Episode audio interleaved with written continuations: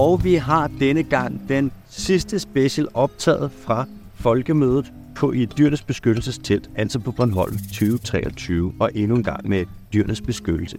Og denne gang der er vores besøg af Nikolaj Lindefork, som er ekspert i fisk og fiskeri. Og vi snakker lidt om, hvordan det kan være, at man faktisk ikke har noget dyrevelfærd i øh, fiskeriet. Og i akvakulturen, der er det heller ikke lige frem, fordi det er noget, der fylder. Og hvordan er vi egentlig kommet dertil? Og hvordan kan det være, at vi, når vi snakker fiskeri, øh, at vi egentlig behandler vores hej på en måde, hvor vi ikke lige frem tager så meget hensyn? Alright, så er vi klar. Hvordan er lyden? af alting ok? Kan alle, kan alle høre mig? Øhm, vi optager jo live podcast nu, samtidig med, at vi har en snak, som så er også live. Og det er med Nikolaj Lindeborg. Du er øh, fiskeekspert. Ikke sandt? Jo, jo det, det er rigtigt nok. Skal lige tage den. Sorry. Og så er du øh, biolog. Og så er du fiskeekspert hos Dyrenes Beskyttelse. Det er rigtigt. Og Nikolaj, vi skal totalt, vi skal virkelig langt rundt i dag. Vi skal snakke om, hvordan det går med havmiljøet i Danmark. Det går skide godt, ikke? Ja, det går mm. Yes. Det bliver en lidt længere historie end det. Ja, godt. Det må vi tage. Så skal vi snakke fiskeri og dyrevelfærd. Og jeg ved ikke, hvor god velfærd der er ved sådan trådene der. Det må vi lige... Nej, den kommer vi også til. Ja. Og så skal vi snakke om akvakultur. Altså, hvad det er for noget. Og så til sidst, hvis vi når det, så vil jeg gerne lige ind på det der med fisk og smerte. Altså, kan de føle det, eller er det bare sådan en slags gulerødder i havet? Det bliver også spændende. Hvis der er nogle spørgsmål undervejs, så gem den lige. Vi tager 45 minutter cirka til at øh, lige køre det her igennem, og så spørgsmål, dem tager vi øh, bagefter, hvor vi har et kvarters tid for det. Er det cool? Ja, Nikolaj, øh, jeg åbner bare med det helt store så. Er vi gode til at passe på havet i Danmark? Det, det helt korte svar er nej. Godt svar. Altså, øh, EU, de har lavet et, øh, nogle regler, der siger, at alle EU's lande, de skal have et godt havmiljø i 2020.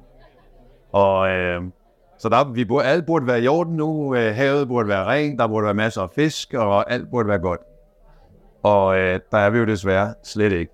Der er næsten ikke noget, der er i orden. Der er, vores fiskebestand har det skidt, og vores havbund har det skidt, og vi har ikke reduceret noget kvælstof de sidste 10 år. Så vi er et helt andet sted henne, end, øh, end der, hvor EU har bedt os om at være. Øh, så vi, der er ikke meget, der tyder på, at vi øh, bevæger os et, et bedre sted hen. Vi har godt nok lige fået en, øh, en ny vandmiljøpakke, hvor man har lovet øh, store reduktioner. Men det har vi haft et par gange, og man må bare sige, at de sidste 10 år, der, der er ikke sket noget. Det er præcis den samme kvælstofudledning, som, som vi havde for 10 år siden. Så det spændende bliver ikke så meget, øh, hvad der er i pakken, men mere om, øh, om politikerne formår at, at indfri det, de, øh, de siger, de har puttet i pakken. Så det skal vi holde dem op på. Ja, det skal vi. Og så mangler der lige 20 procent i pakken også for at nå det mål, der gør, at, at, at historien er i virkeligheden, at hvis man øh, reducerer kvælstof, så øh, med det mål, politikerne har sat, så er der 50 procent chance for, at havet får det godt. Og det er jo, det er jo en vigtig sag. Så kan man sige, 50% chance for, at havet får det godt. Det er jo egentlig ikke ret meget. Jeg kunne da godt have tænkt mig en plan, hvor man reducerede kvælstof, så vi var 90% sikre eller noget på, at havet fik det godt. Så kan man så lige lægge oven i det, at de kun har beskrevet, hvordan vi fjerner 80%, altså for at nå hen til de der 50%. Og, og så skal vi lige se det ske også. Så der er virkelig mange, øh, der er virkelig mange mænder, når, når, vi, når vi har reduceret vores kvælstof. Jeg, jeg skal lige se det ske inden jeg, inden jeg rigtig får Du er skeptisk. lavet den der kvælstofpakke, de har givet os. Hvor kommer alt det kvælstof derfra? Jamen, det kommer hovedsageligt fra, øh, fra landbruget. Udvaskning fra marker.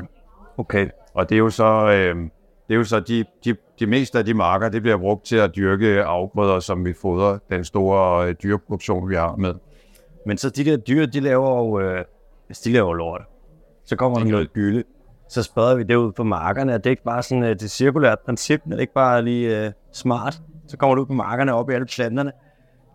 Ja, det burde det jo være, men der er en del af, af, af, af alt det lort og, og kvælstof og fosfor, som, øh, som ikke kommer op i planterne, men som bliver vasket ud med regnen igennem, øh, først gennem jorden, og så ud til grøfterne, og så ned i vandløbene.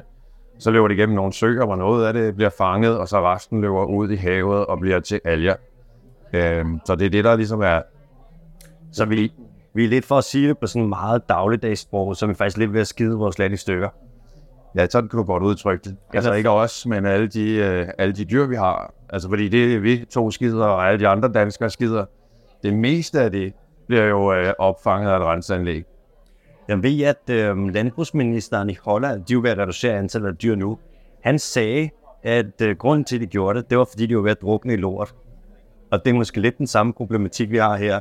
At alt det, vi spreder ud på markerne, det ender i havet. Og så kommer der simpelthen kvælstofforurening, og så dør havet. Så faktisk så er landbruget jo lidt ved at skide fiskeriet i stykker. Det er en meget unik problematik. Man kan faktisk sige, at de har skidt det i stykker.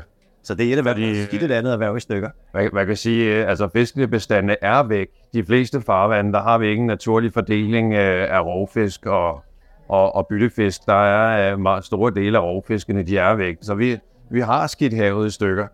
Hvad med den måde, vi fisker på? Er det, er det holdbart? Er det bæredygtigt? Skånsomt osv.? Der, der er flere forskellige ting af, af bæredygtighed i fiskeri. Det, man normalt taler om, det er, om bestandene kan holde til, øh, til det fisketryk, man lægger. Der er nogle bestande, hvor det efter min mening er helt skæv. Det kunne være sådan noget som ål og stenbider, som, øh, som vi har forsøgt at, forsøgt at sætte fokus på for dyrenes beskyttelse. Mm. Øh, og også til dels torsk. Hvad er problemet med stenbider og ål? Med, med stenbider og ål? Nej, med stenbider og ål. Hvad er problemet med det fiskeri? Øh, det, er, det, det er nogle lidt forskellige problemstillinger, som jeg vil godt vende tilbage til dem. Mm. Men bare det, du spurgte du med det her med, med bæredygtighed i fiskeriet, det er jo dels, at man, at man har nogle bestande, der kan få tåle fisketrykket. Og det er vi blevet meget bedre til i Danmark, faktisk. De sidste 10-20 år er vi blevet gradvist bedre til at fiske inden for de kvoter, som det internationale havforskningsråd de, øh, de sætter for os så er der bare det, at nogle af de bestande, vi har fisket på, selvom vi fisker efter de kvoter, de, de sætter, så bryder de sammen alligevel. Så, man kan, så kan man stille spørgsmålstegn ved, om den kvotefastsættelse, der bliver lavet, er den så sikker nok for bestandene? Har man taget hensyn til, at havet bliver presset af alle mulige andre ting samtidig? Og det, det er der noget, der for mig ser ud til, at, at kvotefastsættelsen den skal være mere forsigtig, fordi havet simpelthen generelt det er ikke kun fiskeriet, der presser det, det er generelt presset af alt muligt. Øh, og når man så taler bæredygtighed i fiskeriet, så de ting, du nævner påvirkningen af havbunden, der har vi en enorm stor havbundspåvirkning i Danmark. Mange undersøgelser viser, at vi er et af de lande i Europa og i verden, som har den største havbundspåvirkning. Så, så det mener jeg også er et problem. Hvordan er det, vi påvirker den havbund? Altså, det er, når man fisker med, med redskaber, som bliver slæbt på havbunden, som øh, opvivler havbunden og flytter rundt på sten og havbundssedimenter og forstyrrer de dyr, der bor dernede, som øh, ikke bryder sig om at få sådan et, øh, et trål øh, trålet igennem deres hjem. Øh, så det er bundtrål? Det er bundtrål, ja. ja. Så er der den sidste meget vigtige ting af, af bæredygtighed, ja. som øh, det kun er mig i øh, stort set i landet, der taler om. Shit. Og øh, kan I gætte, hvad det er? Det er jo inde i dyrenes beskyttelsestæt. Det er, at vi har 30 milliarder fisk, vi fanger i, øh, i Danmarks fiskeri. Som, øh, og bæredygtighed, det er altså også, at man behandler de 30 milliarder fisk på en god måde. Og det er vi slet ikke begyndt at tale om endnu. Taler man overhovedet om dyrevelfærd i fiskeri?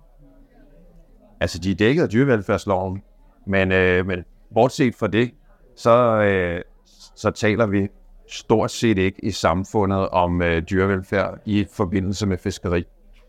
Et eksempel, jeg kan give dig på, det er, at øh, staten for, øh, jeg tror det er to-tre år siden, der lancerede de en ny mærkeordning for fisk, som hedder Naturskånsom. Og det, øh, det siger de jo, det er jo en, øh, det er jo en bæredygtig fisk på nogle parametre. Altså det er fisk, som ikke, hvor man ikke overfisker bestanden, det er fisk, som, hvor man ikke påvirker afbunden med de her bundslæbende redskaber. Og dyrenes beskyttelse arbejdede for, at man i den forbindelse også blev skudt gønnen og bare lige så bitte, bitte, bitte stille tage hensyn til fiskevelfærd ved at uddanne fiskerne i, hvad er en fisk for et væsen, og hvordan kan vi af frivillig vej tage hensyn til deres velfærd. Men det var for stort et skridt. Selv i statens mærkeordning, der hedder naturskånsom, der vil man ikke have noget fiskevelfærd med. Det var det var simpelthen for voldsomt et skridt at tage og uddanne fiskere i, i fiskevelfærd.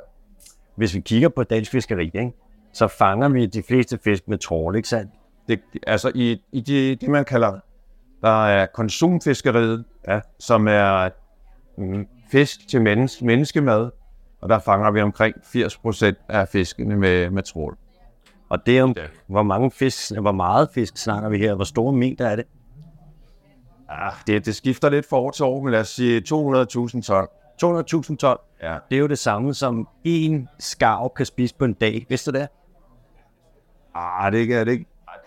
Er det ikke lidt mere? Jeg tror faktisk, du... Altså, altså skarv kan spise lidt mere, kan det Jeg tror faktisk måske mere, og en sæl kan jo spise, altså, det der, det er bare en snack for det. Ja, det er, det er rigtigt. Ja. Ja, godt være. Hvis vi så, okay, så det er konsumfisk, og det er så øh, for eksempel torgel, det er ikke så meget mere, den er jo gået i stykker i Danmark, ikke? Men så er det måske sådan noget som øh, andre bundlevende fisk, som man tager med bundtrål selvfølgelig. Og så har vi jo den anden slags trål. Altså har vi bungtrål, men der er en båd i Danmark, der gør det, som er der. Altså det er måske sådan lidt. Så, har, så har vi så til gengæld nogle, øh, nogle hollænder, der kommer og besøger os med deres bungtrål. Nogle gode turister. Ja, som vi, øh, som vi politikerne har prøvet at smide dem ud, ikke? men det, de er godt nok ikke nemme at få smidt ud sådan rent juridisk, selvom alle egentlig er enige om, at det er noget værre noget, det bumtrål der. Men de fisker i danske farvand. De fisker i danske farvand. Kan vi så ikke sige Og de fisker oven på vores øh, stenrev, hvor man normalt ikke har fisket med, hvor, hvor man normalt i dansk fiskeri ikke trækker sit bundtrål henover. Og der, vi skal måske lige gøre helt klart, at et, et bundtrål, der er øh, to skovle, som spiler trålet ud, og så er der et net, og så er der en netpose, der slæber hen ad jorden. Og alt det har jo en bundkontakt, som vivler sediment op, og som bytter rundt på havbundens øh, sedimenttyper. Men i et bungtrål, der har man en metalbung, der, der spiler trålet ud, og som, er, øh, som bliver slæbt hen over havbunden. Så det er en, en hårdere bundpåvirkning end bundtrålet. Og det er også irriterende, at de to ting hedder næsten det samme. Man kan næsten ikke høre forskel. Ja, den er lidt svær, også fordi at bundtrål er jo en slags bundtrål. Ja. En almindelig bundtrål er ikke en slags bundtrål. Ja. Så værsgo, mand. Det er bare forvirring lige der. Ja. Hvis nu man trækker sådan et, øh, hvis man laver et øh, træk ja. et slæb, som det jo hedder, ja. og du skal bundtråle, og hvis man forestiller sig, at der så er en fisk, der kommer ind som en af de første, hvor lang tid kommer den til at ligge i det net, og hvad dør den af, og hvor lang tid tager sådan et slæb der? Er det noget med, at det bare 20 minutter, bum, afsted? Ah, givet det var så vel. Altså noget af det, vi bundtråler mest øh, i Danmark, det er jomfruhummer. Mm. Det foregår på i alle de dybe dele af havet, hvor havbunden består af bløde sedimenter, hvor jomfruhummerne de kan grave huler ned og bo dernede. Og så om, når det bliver lidt mørkt, så om natten, så kommer de op af deres huler, så skal de op og finde noget mad. Og der gælder det om for fiskerne at være klar med deres bundtrål. Og der, der slæber man typisk fire timer. Fire timer? Så tager man trålet op, så slæber man fire timer mere. Nogle gange i det samme trålspor. Og, øh, og det er sådan en, øh, en dags arbejde for en læsøfisker. Uh, altså sejle ud og lave de her to slæb, og så hjem igen. Så, så den første fisk, der går i, den øh, risikerer at ligge i netposen i, i fire timer. Og i netposen, der ligger jo så også øh, sten og sand og, øh, og jomfruhummer. Og, så de ligger i sådan en stor øh, bunke dernede, og man kan, hvis man så skal være lidt stræk, så kan man godt sige, at fiskene bliver sandblæst nede i, øh, i bunden af sådan en netpose der. Det lyder ikke som om, det er god dyrevelfærd. Nej, det, det er vi ret hurtigt blive enige om. Nu siger du, de jomformer der, de ligger, de kraver sig ned og laver huler. Ja. Når man får sådan en op, er den så ren? Altså, øh, nej, altså, og det er, jo, det er jo så ikke engang, at den er jo, den er jo faktisk ren, når den går ind i, i trålet. Ja. Fordi den kommer jo ren ud af hulen og skal op og finde noget mad. Øh, men det, der sker, er, at den kommer ned i det her trål og ligger blandt mudder. Trålet bliver jo slæbt gennem mudderbunden, så når den er nede i trålet, så ligger den i sådan en vælling af mudder, sten og fisk. Øh, og der bliver den jo mudret til. Okay, så lidt et underligt spørgsmål med, hvordan vasker man en jomfruer? Ja, altså man kan jo ikke, øh, man kan ikke komme med sådan en, øh, en snavset kan ikke få fabrikken, så den skal jo på en eller anden måde øh, spules igennem, når den øh, når op. Og det har man nogle maskiner, man har, har opfundet, hvor, man, hvor de kommer ind i en trommel, og hvor man sætter noget trykvand på, og så drejer man rundt på tromlen der, og så bliver de øh, vasket rene. Mens de er levende. mens de lever der. Så det er lige øh, fire timer i nettet, og så op i sådan en tur der. Så skal de lige vaskes. Og så er de jo så ikke døde endnu. Efter afvaskningen der. De, så, de dør, når vi spiser dem. Ah, de, de dør lidt, øh, de dør lidt før, ikke? Øh, at de kommer ind på en fabrik, og så, øh, så bliver de sorteret. Ja. Og øh, hvis de ikke har alt for mange, øh, hvis de ikke er blevet klemt så meget af sten, øh, at de har mistet lemmer, eller har synlige, synlige brud på deres øh, krop, jamen øh, hvis, det, hvis det er prima kvalitet uden sådan nogle brud, så kan de være rigtig uheldige, at de bliver udvalgt til at, at blive sendt i et paprør til Frankrig. Så, så pakker man dem levende i, pakrør, øh, i paprør, øh, hvor man hænger dem op, man binder dem fast, så de ikke bider sig selv i stykker. Og så hænger de der i hver deres paprør, og så bliver de øh, sendt, sendt til Sydeuropa, fordi det, det er dem, der betaler bedst for, øh, for jomfruhummer og en god kvalitet. Og så øh, ved vi ikke, hvordan de bliver slået ihjel, men de er jo i hvert fald levende, når de når frem til, til Sydeuropa. Hvad med dem, der ikke øh, kommer på sådan en charterferie der? Hvordan, øh, hvad, hvad gør man med dem? Ja, men de bliver jo øh, så på en eller anden vis øh, slået ihjel på... Øh, nogle gange river man øh, bare river man dem over. Det ja. kalder man har et meget fint, altså smukt ord for det, man kalder man røver. Man røver jomfruhummeren den mig midt over. og river den midt over. Okay, så det er fire timer i nettet, hvis man er uheldig. Og så er det op og ind i en trumle, hvor du bliver højtryksbulet. Og så enten så bliver du reddet over, eller så bliver du suspenderet, sat op i et paprør, og så bliver du sendt til Sydeuropa. Ja, det er meget god opsummering. Det er godt, de ikke kan føle smerte, sådan nogle af jomfruer der, hva'? Ja, det, det mener vi med al den viden, vi har tilgængelig, at, at øh, hummer, det er en, en dyregruppe, som øh, mærker smerte og stress. Og det har vi i øvrigt her øh, sidste år, der blev der stillet et folketingsspørgsmål til øh, Rasmus Prehn, om, øh, om hummer kan, kan føle smerte. Og øh, ja, det, blev, det, det sendte han jo videre til sin styrelse, Fødevarestyrelsen, og de svarer så, at efter deres bedste, de er enige med, med dyrenes beskyttelse der, at øh, efter deres bedste vurdering, så kan hummer mærke smerte og, og stress. Det lyder ret stressende, det de kommer igennem der. Det synes jeg. Hvordan kan det være, hvis vi lige tager lynhurtigt den med havmiljøet i Danmark, og vi siger sådan, det lyder ikke som om, at vi passer så godt på vores hav. Der er de her presfaktorer, så snakker vi om alt det lort, der kommer fra landbruget, og vi snakker om det her bundtrål, som er i ret ekstrem grad i Danmark. Og så er der andre presfaktorer, vel sådan noget som øh, klapning og udledning af kemikalier, og så er der selvfølgelig spildevand, og så er der sandsugning, og så laver vi falske Dubai-øer og havneudvidelser. Og hvorfor er det, at vi prioriterer havet på den her måde i Danmark, at vi ikke passer lidt på det? Er der, er der en grund til det? Øh, ja, ja du, du pirrede mig lige lidt med alle de pres der. Jeg, jeg vil virkelig gerne vende tilbage til det spørgsmål, men jeg har lige en anden, en anden ting, jeg skal klemme ud af fiskebenene. Og øh, når du nævner alle de der pres, så, så er vi i en tid, hvor vi bare lægger pres på havet hele tiden. Og øh, vores hav, hav har det dårligt, men vi bliver ved at lægge flere pres på, fordi havet har en masse ydelser til os, som vi mennesker gerne vil have. Det kan være råstoffer til vores veje og til vores huse. Det kan være fisk, som vi gerne vil spise. Og vi, vi vil gerne bygge broer, vi vil gerne bygge møller. Det laver støj i vandet, så vi øh, lægger mere og mere støjpres på havet. Og hvad går vi ellers laver? Jamen, så, øh, jamen, du nævnte klapning. Og vi har lige netop i, øh, i den her måned fået en, øh, Lige holde med på, at holde med på, at klapning det er. Klapning, det er, når man øh, har en, øh, en havn eller en sejlrende, så er det jo et, et dybt område i øh, et hav. Man er uddybet, så der vil bløde ting, de vil lejre sig dernede. Det er ligesom sådan en øh, voldgrav, hvor, ting, hvor bløde ting, de lægger sig derned. Og der vil typisk være nogle øh, miljøfremmede stoffer bundet til, øh, til de havnesedimenter og sejlrendesedimenter. Så tager man dem derfra, fordi skibene de skal jo kunne komme igennem, og så sejler man dem et andet sted hen og, og smider dem ud der. Klapning, det hedder det vel, fordi at den laver, det er en klap, der lige åbner, ikke? Men, Ja, ja. Det er en båd, der kan åbne bunden. Øh, nå, nej, det, ej, det, det er nogle sande øh, men det er en, øh, en grab typisk, hvor en, en grab, der åbner. Men ordet klap kommer nok fra nogle særlige både, man bruger til at flytte sand med. Men det, man kan bruge dem også til klapning.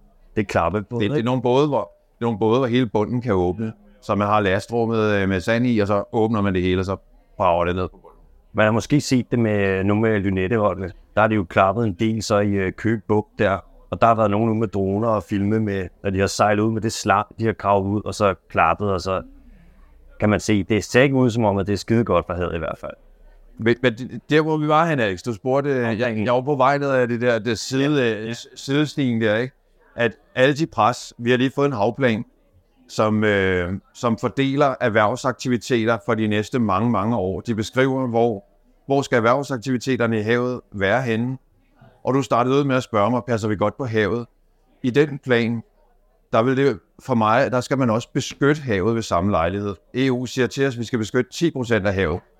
Og det, øh, det har vi efter lange politiske forhandlinger, der er alle regeringens partier blevet enige om, jamen det gør vi. Vi beskytter 10% af havet med streng beskyttelse. Det er en rigtig god, det var noget, der har vi faktisk en af de positive ting, de mest positive ting, der er sket i meget lang tid. De 10% af havet, der kommer til at være hav på havets præmisser. Så hvis vi skal være glade, gå tilbage, ja, det kan godt være, at I får en masse rigtig kedelige oplysninger om mig i dag, som gør jer rigtig kede af det med dyr, der har det dårligt, og hav, der har det dårligt. Men der er også en god ting, I kan tage med og det er, at de her 10% af havet skal være hav. Og det svarer til 10.000 kvadratkilometer. Dem, det er jo et led i, når man laver den her havplan, så øh, udpeger man, hvor skal vi have erhvervsaktiviteter, og hvor skal vi have beskyttet natur. Og jeg er sikker på, hvis jeg spurgte jer, hvis vi skulle lave den øvelse op på land, hvordan tager man fat på sådan en øvelse, hvis man skal gøre, hvis vi skulle lave det om op på land, og beslutte, hvor skal vi have natur, og hvor skal vi have erhverv, så er jeg sikker på, at I alle sammen vil sige til mig, skal vi ikke starte med at finde ud af, hvor den bedste natur ligger henne? Og så ser vi, om vi ikke kan friholde den fra erhvervsaktiviteter. Er, er, I, ikke, er, er I ikke enige med, at det lyder som sådan en, det lyder som en fornuftig vej frem? Og så kan jeg fortælle jer, at den måde, man har gjort det på, det er bare en helt anden metode. Man har afsat 350.000 danske kroner til at lave den her plan for at varetage naturen i den her plan. Og så er det Danmarks historiens største fredning, man udfører, hvor man freder 10.000 kvadratkilometer.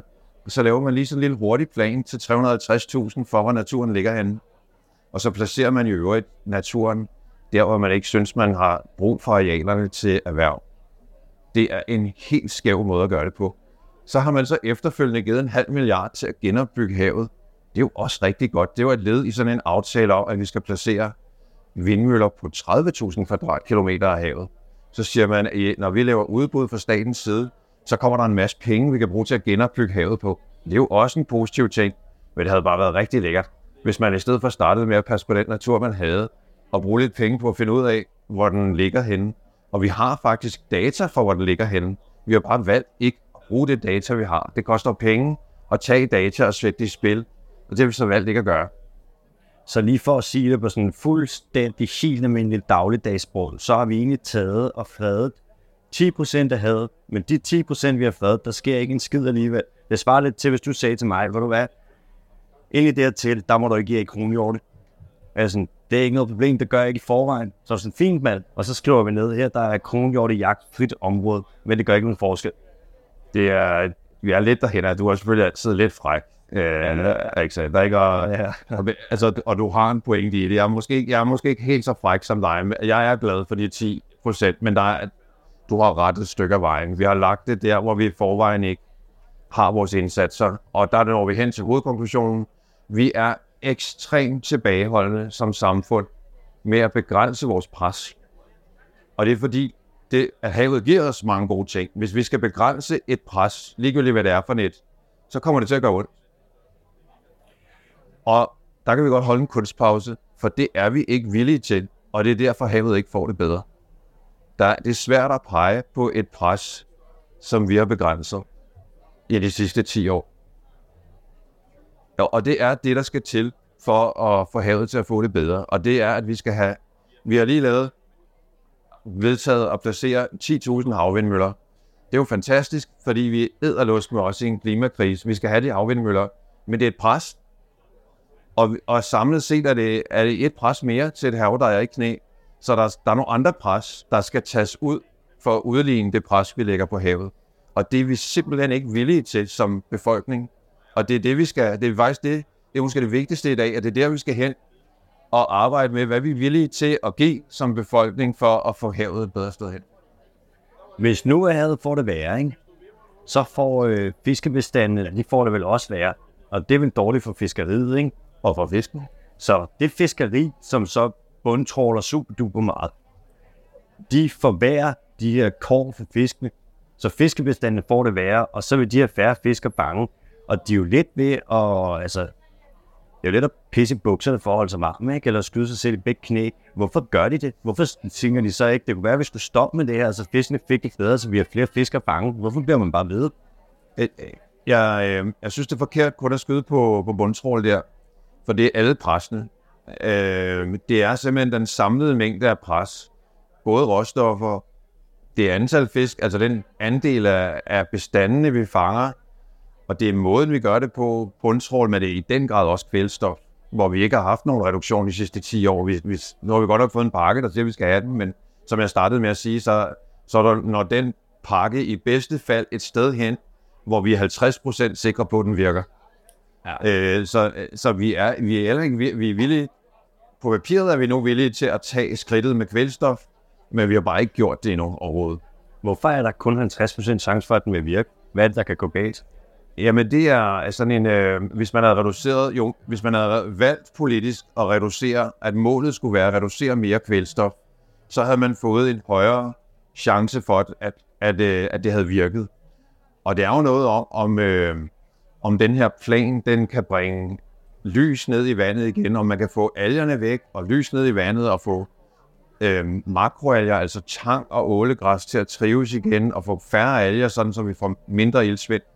Og man kan så sige, endnu en ret kedelig ting ved øh, den her kvælstofsituation, det er, at planen ikke er klimakorrigeret. Hvad betyder det? Jamen det betyder, den effekt, der er af klimaforandringer, det vil, skrev, var jeg med til at skrive en rapport om allerede tilbage i 2009.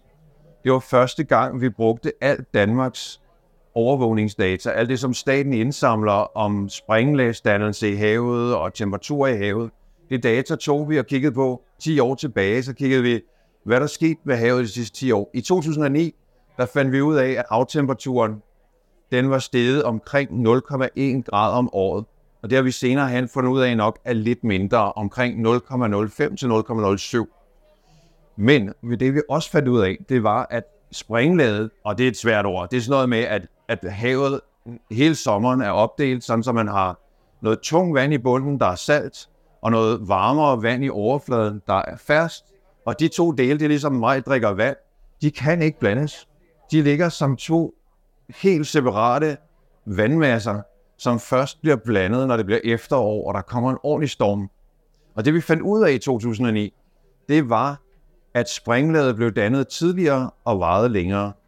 Og det betyder, at når man når springlaget dannes der om foråret, så er der en mængde ilt i bundvandet.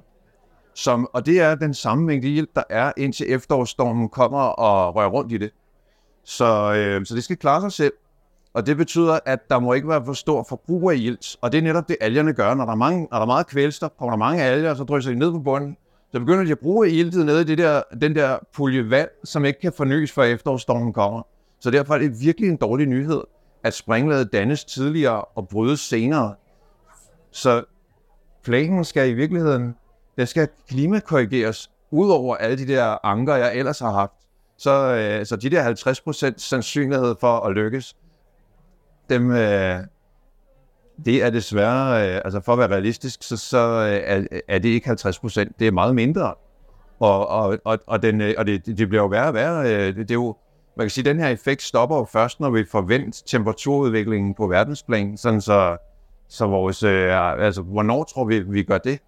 Øh, det er ikke engang nok, at Danmark stopper deres, øh, forvent deres CO, altså bliver CO2-neutrale. Det er jo verden, der skal være CO2 neutral, før denne her effekt den stopper i de danske havområder. Vi skal med andre ord, så bliver vi nødt til lige at få bremset klimakrisen.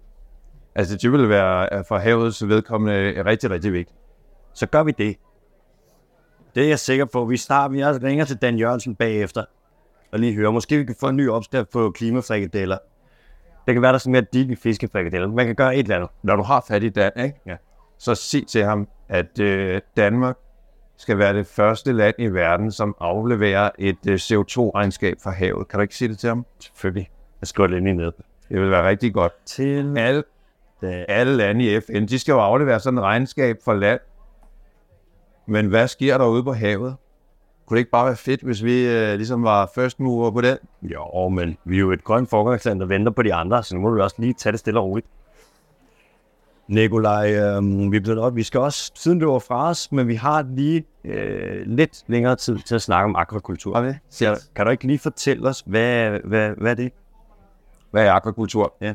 Akvakultur er sådan helt nede på den laveste hylde, ikke? Det er, at, det er, at vi øh, har fisk i en eller anden form for øh, indhegning, hvor øh, vi fodrer dem op, og hvor de, øh, vi, har, vi har dem fra helt små fiskelarver, æg, øh, kunstig befrugtning, kan man sige, og vi så øh, giver vi dem mad, sådan så de vokser, og vi kan slagte dem, som vi kalder det, og, øh, og leve af dem. Og faktisk det fisk, vi spiser mest af i Danmark, det er øh, slet ikke alle fiskene ude fra vores dejlige hav, men det er øh, fisk, som enten er opdrettet i Norge eller i Danmark. Og så kan man, øh, hvis man går lidt mere i detaljer med akvakulturen, så er der sådan øh, groft sagt tre måder at gøre det på. Der er den øh, ældste, som er, at man øh, har et vandløb, som leverer vandet til nogle damme, hvor man leder vandet ind igennem nogle damme, sådan så fiskene hele tiden får frisk vand med ilt i. Og så, så går de derinde og bliver øh, fedet op.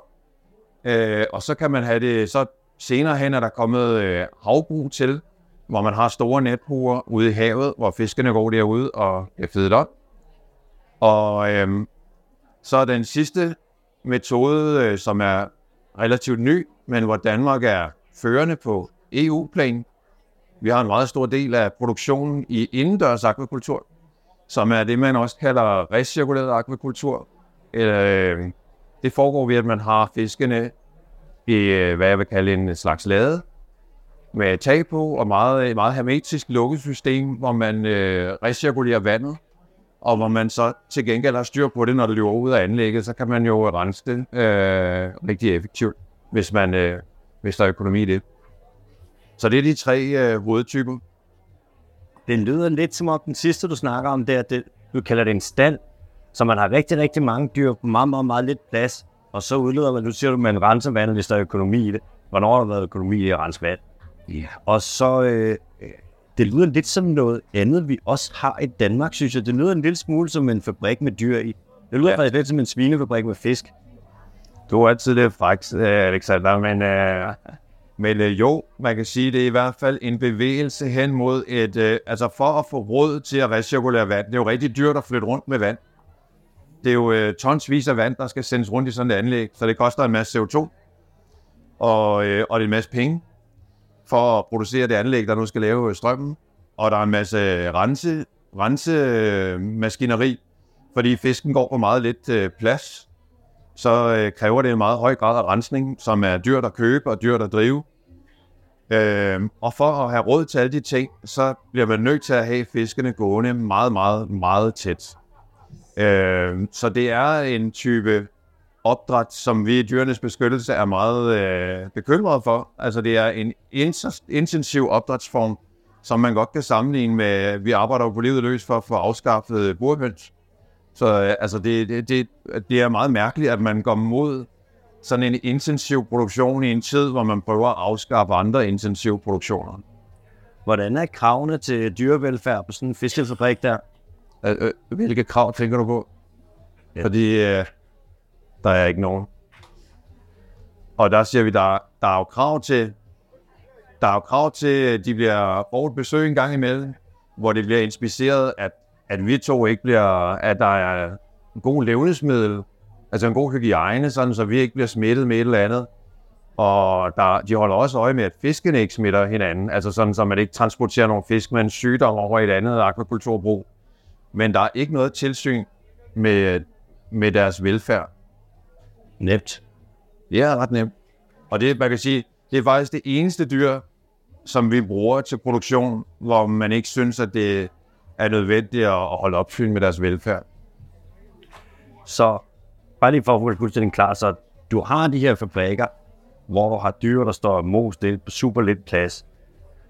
Og så er der ikke nogen krav til dyrevelfærd overhovedet. Nej. Og så er der heller ikke noget tilsyn fra staten med det, og det hvordan de har det. Hvad, øh, hvad fodrer man med? Ja, det bliver en lang aften, den her. Men øh, altså, man, øh, vatfoder dem jo, øh, de skal have noget protein, og det protein, det kan jo komme mange forskellige steder fra. Men øh, altså, hvis fiskene skal have det bedst helbredsmæssigt, så skal de have proteiner fra havet, en type proteiner, som kun dannes i havet. Så det kan man få ved at fodre dem med enten øh, fisk eller med muslinger. Så du fodrer fiskene med fisk for at lave fisk? Det er rigtigt. Hvad for nogle fisk fodrer man dem med? Det er øh, typiske små stimefisk. Øh, det vi kalder med et meget fint ord, pelagiske fisk. Det er, øh, det er tobis og brislinger, og det kan også være små sild. Og, øh, og så, øh, så er det, jeg kan sige, den, det er jo den problematiske del af fodret, og så er der den øh, knap så problematiske del af fodret, der er, at man bruger øh, altså restprodukter fra fiskeindustrien. Når vi har skåret filererne af til menneskemad, så kan vi bruge benene og hovedet og kælderne og øh, alt resten til øh, at lave om til, øh, til mad til akvakulturen. Jamen, hvor man så er, Det er jeg faktisk ikke klar over. Okay. Så det, altså det kunne jeg godt forestille mig, man gjorde, men det er jeg ikke, øh, det er jeg ikke vidst om. Og nu siger du, at de er pelagiske, de her, det er så tobi i så små silver, brislinger og sådan noget. Er det nogle fisk, vi kunne spise, også mennesker? Altså vi kunne jo, vi kunne potentielt godt, men øh, altså der er jo sådan en træhed i samfundet mod at, at prøve noget nyt. Specielt, øh, altså vi, vi er jo nærmest træge i forhold til at spise de, de, altså en knorhane eller en, øh, en hornfisk, eller altså selv de fisk, hvor det sådan er oplagt, der har vi svært ved at, at få folk til at spise varieret. Folk spiser næsten kun de her opdrættede ørred. Så det er, der er virkelig en vane, og hvis vi skal til at spise en, øh, en brisling eller en tobis, så skal der virkelig ske et eller andet. Altså vi skal, vi skal have brandet det, eller altså, det vil jo være den rigtige vej frem, men der er virkelig et, øh, et stykke arbejde før, øh, at, at tobiser bliver mainstream i madpakken. Hvor stor er det sådan en tobis, der den er? En tobis, den er meget tynd. Den er sådan, ligesom en, en kam eller sådan noget, Oh, kan man sige i formen, ikke? Øh, sådan en lille, en lille, kunne man ikke kalde det sådan en nordisk sardin? Det, det tror jeg ikke, jeg vil kalde den, men altså, vi har jo en sardin, så, men, men det er jo en lille fin fisk, som øh, man sagtens kunne... Øh, jeg talte med Thomas Rode, øh, som har været kok inde på Kong Hals, og jeg sagde til ham, hvad skal vi ikke til at spise de der tobis? Han sagde, jo, det er, jeg laver noget ceviche og sådan noget. Jeg var helt vild i øjnene, der, der nævnte, at der var nogle fisk, vi ikke, vi ikke brugte. Så, altså, så, så, så nogle chefkokke der, de kan godt se noget, noget potentiale i det. Men det er nok mere det der med at få det ud og blive... Og blive øh, altså, det er jo virkelig store mængder. Vi, vi står med øh, måske med 100.000 ton fisk, øh, som vi øh, bruger til dyrefoder i Danmark, og som, øh, som vi skal have til at... Altså, hvis vi skulle bruge dem til menneskemad, så skal der jo så er der altså til mange mennesker, der kan få animalske proteiner af den vej, hvis vi, hvis vi går slippe afsted med den. Hvordan fanger vi de her, de her fisk, som vi bruger til det her foder her, hvordan fanger vi så primært dem? De bliver fanget i en ny troldtype, for øh, nu er der nogen af jer, der har været her længe til oplægget. Jeg snakkede snakket meget om forskellige typer trål, og nu kommer der et til, det er det pelagiske trål. Og pelagisk, det betyder, at det er frit i vandmassen. Det vil sige, at det er et trål, som ikke rører bunden. Der er nogle enkelte af dem, som er semipelagiske, som rører bunden lidt. Men altså, overordnet set, så de her pelagiske fisk, de fanges i nogle enorme tråle, der er flere kilometer brede, og som bliver fisket oppe i vandet. Så vi tråler for at få fange nogle fisk, som vi kan give til nogle fisk på fabrikker, så vi kan lave noget fisk. Altså halvdelen af de pelagiske fisk, de bliver brugt til, øh, til menneskemad. Så det er der, og den anden halvdel, de bliver brugt til at lave fiskemel og fiskeolie, som så bliver til hovedsageligt til de bliver også til svine, svinefoder, men øh, svinefoder og, øh, og fiskefoder. Kyllingefoder tør jeg opstille. Vi skal til at runde af nu, eller? Jo, ja. Men vi har lige det aller sidste, som jo også er lidt noget, vi har kredset om. Nu har vi været inde på det med havmiljøet, hvordan der er ret mange presfaktorer. Og vi har været inde på det med, at det ikke er så bæredygtigt, om så man kigger på, ja, om så vi kigger klima, eller vi kigger miljø, eller vi kigger marine økosystemer, eller endda om vi kigger dyrevelfærd så har vi været inde på det med, ja så tak, dyrevelfærden i fiskeriet. Altså det her med de her trålnet, det er ikke lige frem, fordi at det er noget, man prioriterer på den måde. Det er som om, det er skubbet lidt til siden, selvom at det så er noget, man godt ved, det her med, om så vi kigger hummer eller fisk, så kan de faktisk godt føle øh, smerte og stress. Så det virker lidt som om med fisk, at vi tænker, at det er en kategori for sig, at vi godt vi må behandle dem værre end pattedyr. Altså, det er jo ikke nogen hemmelighed. Vi behandler også pattedyr elendigt i landbruget, for eksempel. Ikke? Det er jo ikke fedt at være et svin på en svinefabrik. Men det er som om, at fisk, de må behandles endnu værre. Der er ikke engang nogen krav til dyrevelfærden. Hvordan er vi ind der? Altså, er det fordi, at fisk øh, så ikke kan føle smerte, eller føler smerte anderledes, eller hvad ved man egentlig om deres lidelse? Ja, og det er jo det er en svær en ikke at gøre kort, men øh, jeg siger, der, der er sket meget i, i de sidste 10 år inden for, øh, inden for forskningen om fisk og smerte. Så man kan sige, at fisk de har smertereceptorer, de har nervebaner, de har en hjerne, og man kan ved en lang række forsøg vise, at deres hjerne og så videre reagerer på, på smerte. Så, øh, og på stress. Så det, altså, der er en høj grad af evidens for, at fisk føler smerte. Og de andre dyr, vi har i, i produktion i Danmark, det er, sådan som jeg lige ser det, hovedsageligt pattedyr. Øh, og så siger du, jamen, øh, skal vi behandle fisk anderledes? Øh, fisk er anderledes. De skal ikke nødvendigvis... De, de kunne, de kunne øh, sagtens føle smerte langt voldsommere end pattedyr. Det ved vi ikke. De kunne også føle smerte mindre, eller bare på en helt anden måde. Det, det ved vi ikke. Øh, men der er ingen grund til at tro, at de ikke føler noget. Men at vi tror, at vi kan sætte os ind i, hvordan de føler, det, det tror jeg, den, den er nok for svært. Der er nogle undersøgelser, der viser, at fisks øh, smertereceptorer er langt mere sensitive end pattedyrs er. Så der er, der er studier, der viser, at de kan være langt mere smertefølsomme end pattedyr. Men hvis vi bliver nødt til at implementere det der, og hvis vi bliver nødt til at behandle dem på den måde, det er der vel også nogen, der ikke er så interesseret i. Altså, dansk fiskeri vil jo nok se anderledes ud, hvis vi lige pludselig skulle øh, opføre os, som om det ikke var fedt at lægge ned i trålnet. Så snakker vi jo så lige pludselig hurtig hovedregning med, hvad du siger, så snakker vi jo op imod faktisk en halv million ton fisk. Altså så også krabstyr, men som bliver taget i trålnet om året. Hvis vi skulle tænke på hver enkelt af dem som et sansende individ, ikke måtte føle smerte. Altså du sagde, hvor mange individer af fisk er det, vi har med at gøre her? Vi arbejder med 30 milliarder fisk. Ja. ja, det er 30 milliarder hensyn, ikke? Det er meget. Ja. Så, og det er, øh, bare lige at knytte en, et ekstra tal på, så øh, fanger vi cirka 60 procent af alle fisk, der fanges i Europa. Målt i individer. I individer. Så vi har et, øh, man kan sige, vi har et, et særligt ansvar, synes jeg, i Danmark for at være dem, der går forrest og, og viser, hvordan vi håndterer fiskevelfærd. Så øh, vejen frem er, at vi, det er jo en elefant, kan man sige. Du har lige skitseret af øh, formen på elefanten, at, øh, at det er 30, 30 milliarder individer, der skal håndteres og øh, aflives det, vi kalder skånsomt. Øh, så det er jo en kæmpemæssig opgave, og det tror jeg faktisk er en af grundene til, at vi ikke er gået i gang med den. At øh, man står over for den der elefant og tænker, shit, hvad gør vi? Vi har ikke, vi har ikke en chance for at, at håndtere den. Men det skal vi selvfølgelig. Altså, det, det, vi ved alle sammen, hvordan man spiser en elefant. Hvordan gør man? Ej, de er jo en lille bid af gang. Så, så vi, øh, så, så vi skal, vi, det, vi skal i gang med det. Nu er jeg lige fræk igen, Nikolaj, ikke? Og hvis vi ja, kigger på... Det var altid. Ja, sådan er jeg bare. Hvis vi kigger på fiskeriet, og vi siger, okay, dansk fiskeri, vi skal måske til at lave noget lidt andet end bare bundtrål og mok. Vi skal måske til at have nogle øh, flere mindre både, der fisker på nogle mere skånsomme måder. Om det så er med garn, eller med tegner, eller hvad det nu vil bruge. Og så skal vi også til måske at aflive de her fisk, når det ligesom bliver taget op. Det vil sige, det er svært med garn. Der er det nok døde, ikke? Men der vil der opstå en øh, forbandet masse arbejdspladser, hvis det ikke skal være kæmpe trawlere, men det skal være flere små både, og på den måde, ved der ikke det? Jo, det vil der nok. Altså, man kan sige, det er, den, den, den politiske del, der er lidt uden for mit, øh, mit felt, men det ville være, øh, være dejligt, hvis, øh, hvis vi kan få det lokale fiskeri tilbage med små, med små skibe, og, øh, som i gode gamle dage. Jeg, ty- jeg husker det tydeligt. Ja. Vi har øh, 1 minut og 20 sekunder tilbage, så hvis du gerne vil komme med nogle sidste ord om fiskeriet nu, og du er fuldstændig frie tøjler, så er det øh, her på falderæbet.